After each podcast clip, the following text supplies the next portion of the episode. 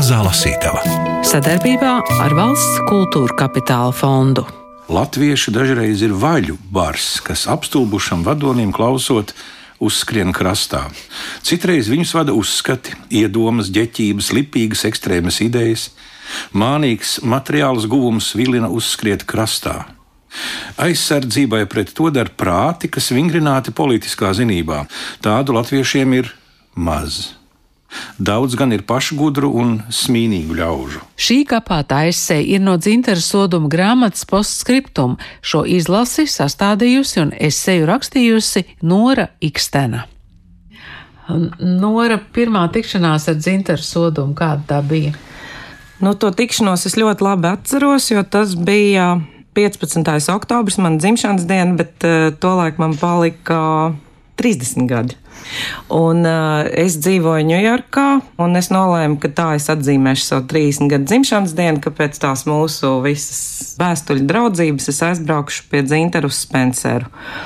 Es tur aizbraucu, nu jā, un tad mēs vārījām buļļa zupu, kā viņš to sauca, un tad es izbraucu ar viņu trīsriteni tur apkārt pa Spenceru, un bija tāda sajūta, it kā es viņu būtu visu mūžu pazinusi. Un tad tas turpinājās. Tad tas turpinājās, tas turpinājās būtībā jau tādiem lāgiem. Tas bija 2000. gads tieši, tas bija 2000. gads. Un uh, mēs joprojām turpinājām sarakstīties, bet tā kā viņš bija palicis viens, tad es sāku arī braukt pie viņa ciemos un palīdzēt viņam tādā tīri praktiskā dzīvē. Apmēram vienreiz gadā es braucu līdz 2006. gadam, kad viņš pārbrauca Latvijā. Viņš pārbrauca Latvijā un Latvijā pārbrauca arī viņa darbi un tulkojumi. Bet tagad ir iznācis darbs, dzintars sodums, postskriptum. Kā tas notika? Jūs atradāt vēl kaut ko jaunu vai nepublicētu? Nu, tas ceļš ar to arhīvu bija tāds, ka es atceros, ka tad, kad 2006. gadā pie manas mājas piebrauca furgons, kur bija dzintara mantas no Amerikas, tur bija tikai kastes ar manuskriptiem un grāmatām un divi koku krēsli. Un tad, kad tas vedējs atvēra vaļā to furgonu, viņš teica, no kurienes jums šī krāva? Es teicu, no Amerikas lepni. Un viņš tā līdzcietīgi uz mani noskatījās. Un pēc tam ar to arhīvu bija tā, ka kādu laiku tas glabājās manās mājās, tad uh, Baltika International Bank un Valērijas Belakoņs mums palīdzēja vienkārši mazliet, kā teikt, tikt galā ar to arhīvu, un tad bija dzintara soduma izstāde. Un tad pa vidu vēl bija ļoti daudz kas, un tagad, kad jau iznāca gan Ulis, gan Dublinieši, tad mēs nolēmām vēlreiz ejot cauri arhīvam, tas, kas nav bijis publicēts, kas nav bijis viņa kopotajos rakstos, tur atradās ļoti daudz interesantas lietas, kā piemēram bukolikas un nīkā zeme Eliota un nolēmām, ka vajadzētu tādu postskriptumu. Nu, ka tiešām ka tas darbs ir izdarīts nu, ne līdz galam, jo pētniecības darbs vēl paliek, bet vismaz visi tie materiāli ir absolūti pieejami. Bet eh, šeit ir ļoti dažādas lietas. Ir atzījumi, ir tulkojumi, ir um, atziņas. Kas vēl? Nu, tur ir iekšā tās kultūras, tādas viņa piezīmes par kultūru, par valodu, kas īstenībā bija uz tādām Keloks kārbām rakstītas un visur, kur, kas bija viņa. Var sakot, viņš bija vācis, viņš bija domājis, ka viņš varēs varbūt kādreiz uztaisīt kaut kādas kapātas esejas, tās saucās kaut kādu esēju krājumu, bet tas līdz galam neizdevās, tad mēs nolēmām, ka tas būtu tāds pārskats par to, kas vēl ir palicis ārpusē.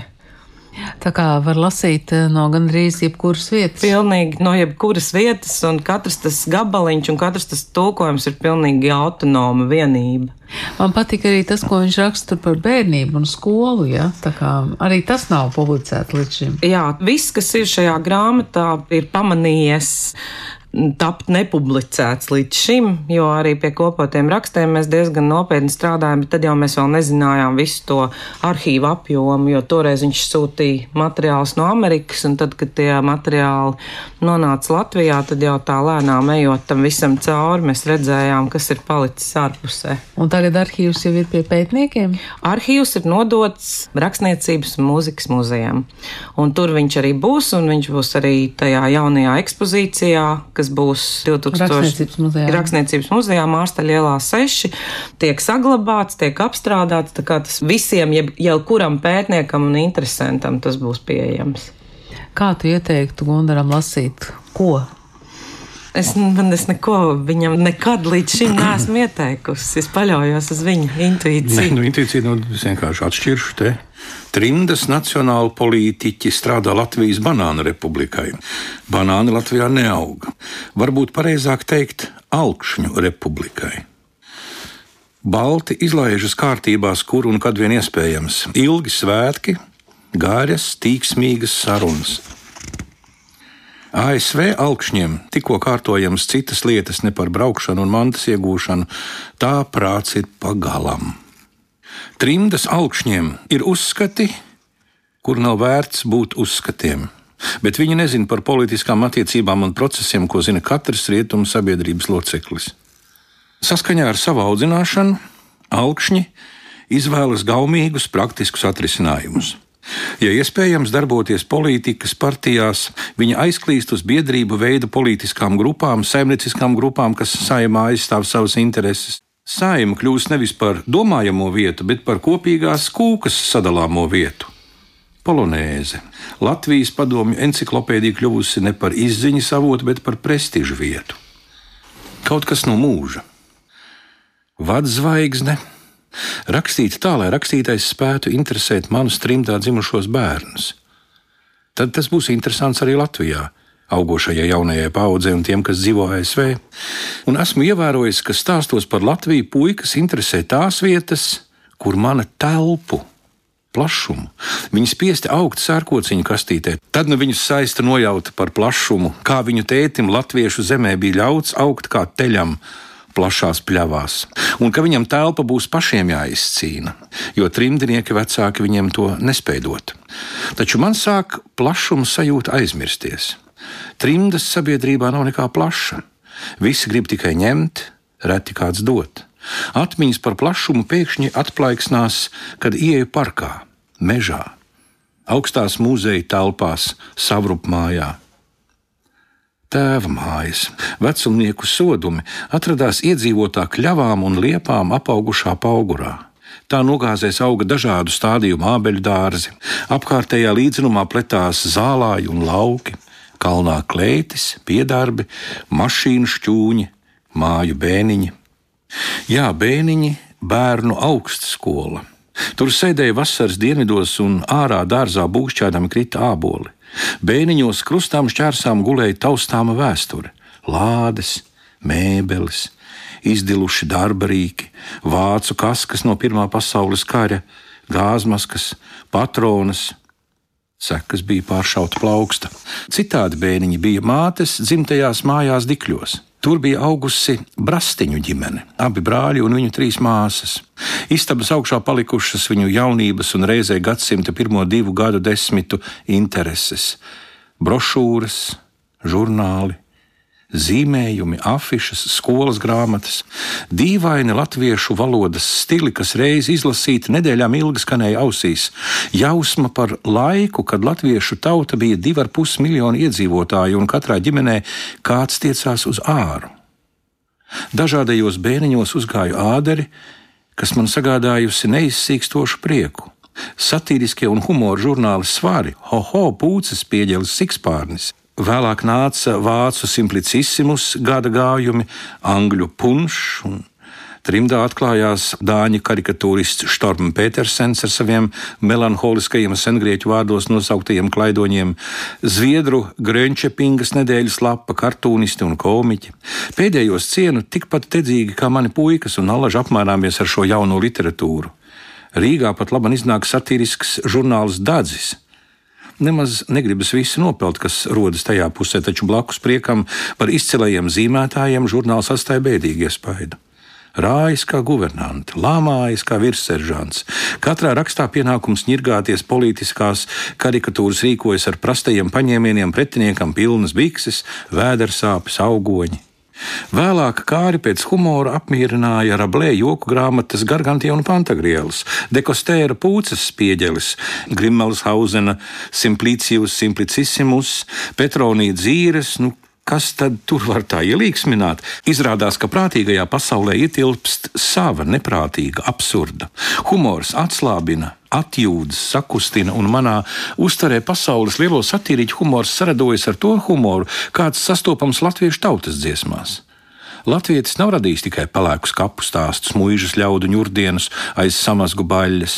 Tautas dziesmās redzams arī brīvas kārtas, dižpuīšu un lielo meitu, izdziedātāju, izdejotāju, gudru skroderu, pilsētas amata ļaužu uzšķilts humors. Šo līniju turpināt rakstīta cilvēkiem par prieku. Iedomājieties, viņš dzīvo kaut kādā mazā, slēgtā Amerikas miestā. Viņš netiekās ar Amerikas latviešiem.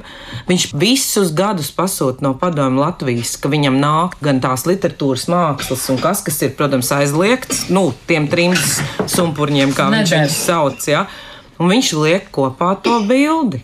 Nu, tas ir vispār kaut kas unikāls. Tas nozīmē, ka viņš vispār bija no tās latviešu pilnīgi. pilnīgi nost, viņš taču aizlikās uz Spenceru, kas ir tuvu Itakai, kur pasniedza Brodskis. Itakas universitātē pasniedza Brodskis. Viņš aizlikās uz turieni, lai būtu vispār, nu, lai viņam kāpos desiņš. Viņa ar Brodski satikās?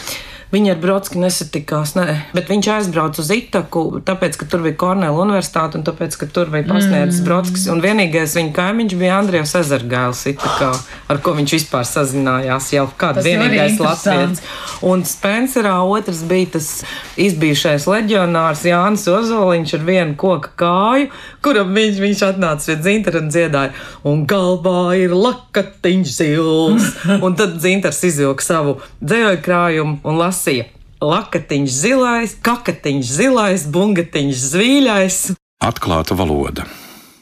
Skolotāji trimdā runā, kā palīdzēt latviešu valodai. No tradicionālistu viedokļa briesmu ir daudz. Latviešu valodas patērētāji aizmirst savas valodas iespējas. Izteiksme pakļaujas citu valodu tonim un sintaksei. Ar dažādām pareizrakstībām rakstība kļūst juceklīga. Apdraudētu pilsētu mēdz izsludināt par atklātu pilsētu. Varbūt derētu latviešu valodu uzskatīt par atklātu valodu, ar kuru darbojas dažādi ļaudis, kas izsakās kā nu spēj un kā zina. Angļu valoda esot tāda bijusi 1600. gados. Džons Draidens esot ierādījis vietu klaņojošām vārdu nozīmēm un devis angļu valodas runātājiem veidu, kā pašiem dzirdēt savu balsi. Atklāta valoda nenoraida. Jauni valodas runātāji un rakstītāji pienes atklātai valodai, ko viņi jaudā pienest. Pretstats atklātai valodai ir geto valoda. No geto valodas jauni bēga. Geto valoda ir neskaidrs pienākums, nerosinoša iespēja sazināties ar ko citu atšķirīgu. Geto valodas aizstāvi pūles saglabāt. Atklāta valoda dod iespēju radīt. Gadu simtus daudzi ļaudis lietojuši latviešu valodu, kā viņš un viņa jaudā, un kā valodu izjūt. Manuprāt, tā rodas nevis nepareizības, bet materiāls, ar ko strādāt. Dzintera soduma postskriptum izdevusi dienas grāmata, fragments lasīja Gundars Āboliņš, bet Nora Ikstena gan tagad sola vairs nebūt romāna mātes piens vēstniece, bet gan ieslēgties Ikšķilē un rakstīt jaunu darbu. No mātes piena, kas tulkots jau tagad daudzās valodās, mēs šodien atvadāmies ar fragmentu par kāmi. Jā, nu tā kā pusotrs mēnesis ir pagājis tajā geogrāfiskajā amplitūdā no Tokijas līdz Ļuvovai, tad es esmu nolēmusi tagad ieslēgties Ikšķilē un es rakstīšu romānu, kur nosaukums ir ūdens mirdzēšana. Un viss. Pagaidām. Pagaidām viss, jā. Nu, ja virsraksts jau ir, tad jau ir tā kā iesākts darbs. Un kā vācis piens, kā ir citās valodās, ir nu, jā, grūti jau pateikt. Nē, nu Japānā bija vispār tas. Nu, bija. es, nu, tas bija, man bija trīs, man bija trīs stundu diskusija Tokijas Universitātē par mācu pienu. Kaut kādā 400 cilvēku, 400 japāņu studentu auditorijā. Tas nozīmē, ka viņi bija lasījuši. Visi, jā. Un pēc tam nāca tikai arigato norasan, arigato norasan. Kaut kas neticams tiešām, bet nu, tagad viss jāsāk rakstīt jaunu grāmatu. Pietiek, jā. Pietiek. Bet vēl kaut ko tulko? Tulko, jā, tagad Fēru salas un Islande un kas tur, bet es nebraukšu tagad. Es tagad nobarikādēšos, tāpēc, ka, nu, citādāk, nu kā, nu, kad tad jau man jāpaliek par Mātes piena. Vēstniece. Vēstniece. Tev vajag dublieri, kas brauc. Nē, nē, nu to jau nevar, tāpēc, ka, nu, tas ir, nu, kā, nu, es to divus gadus esmu tagad turējusi, nu, tad, nu, ko, nu, tad Nu, jā. tikai brauc vai arī raksti, nu, jāraksta. Kad ierados nākamajā reizē, mātes māte Bembijam bija sagādājusi draudzeni, mazu brūnu kāmieni, kurai es devu vārdu Rozālija Vējaslota. Lai taču viņš nomierinās un sāka savā būrī mierīgu ģimenes dzīvi, lai neplosās. Rozālija kļuva grūta. Bembijs apātiski gulēja ievilcies būra stūrī. Rozālija šiverējās un vilka sev apkārt mīgu, kur pamazām pazuda. Bembijs par viņu neizrādīja nevis mazāko interesi, tikai paēda un gulēja. Agrāko brīvdomātāju vairs nevarēja pazīt.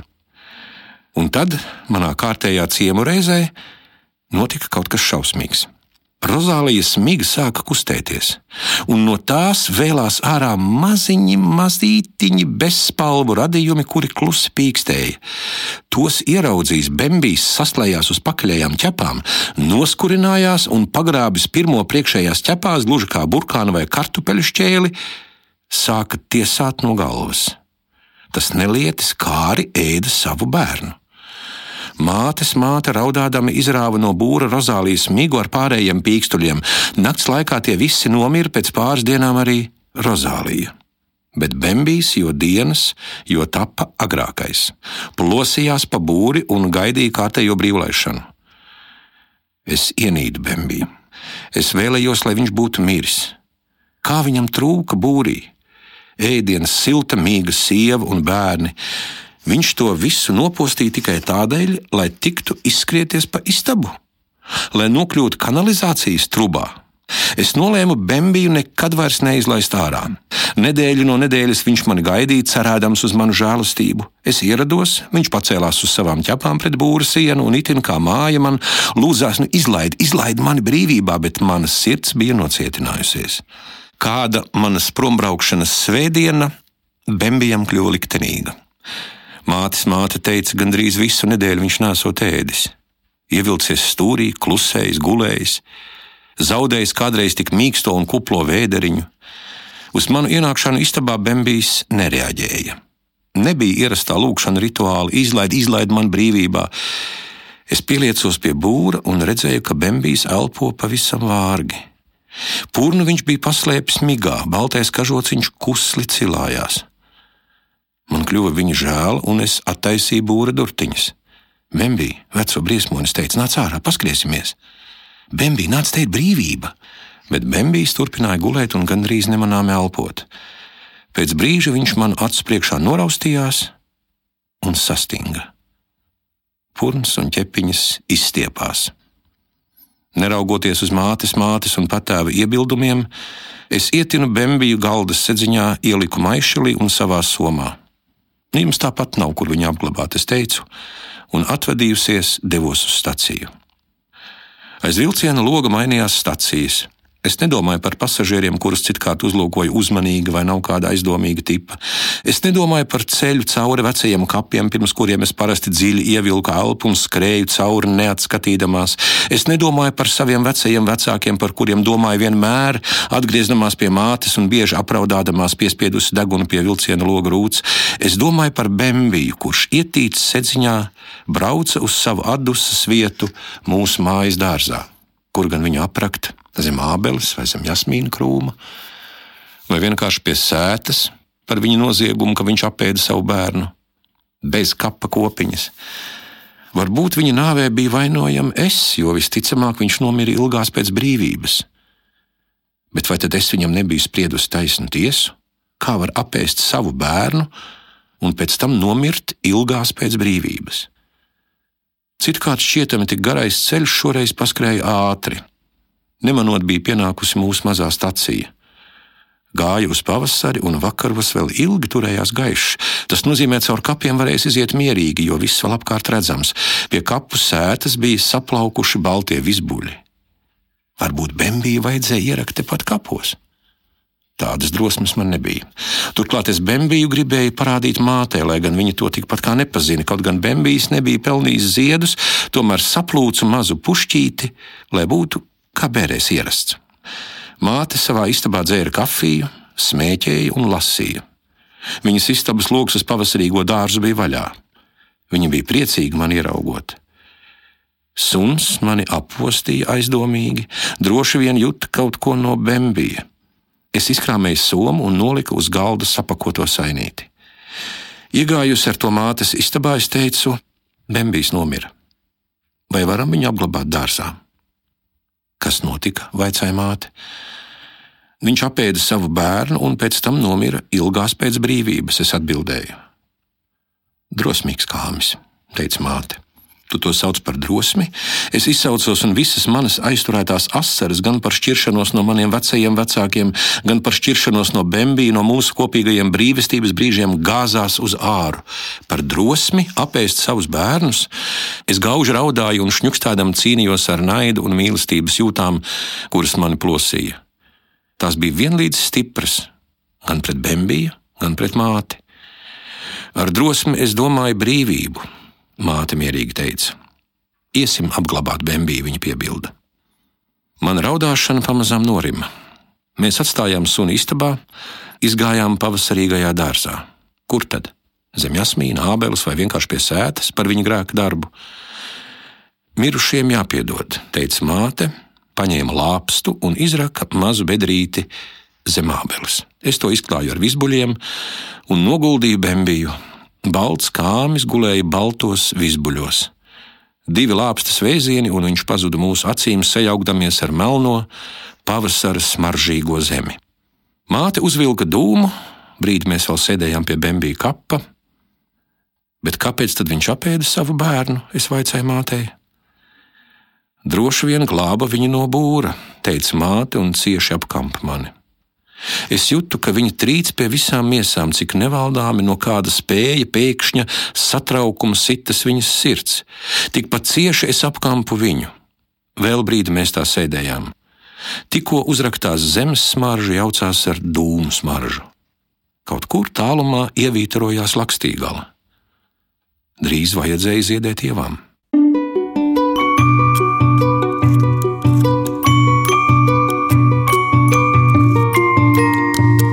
Radio Mazā Lasītava sadarbībā ar Valsts kultūra kapitāla fondu.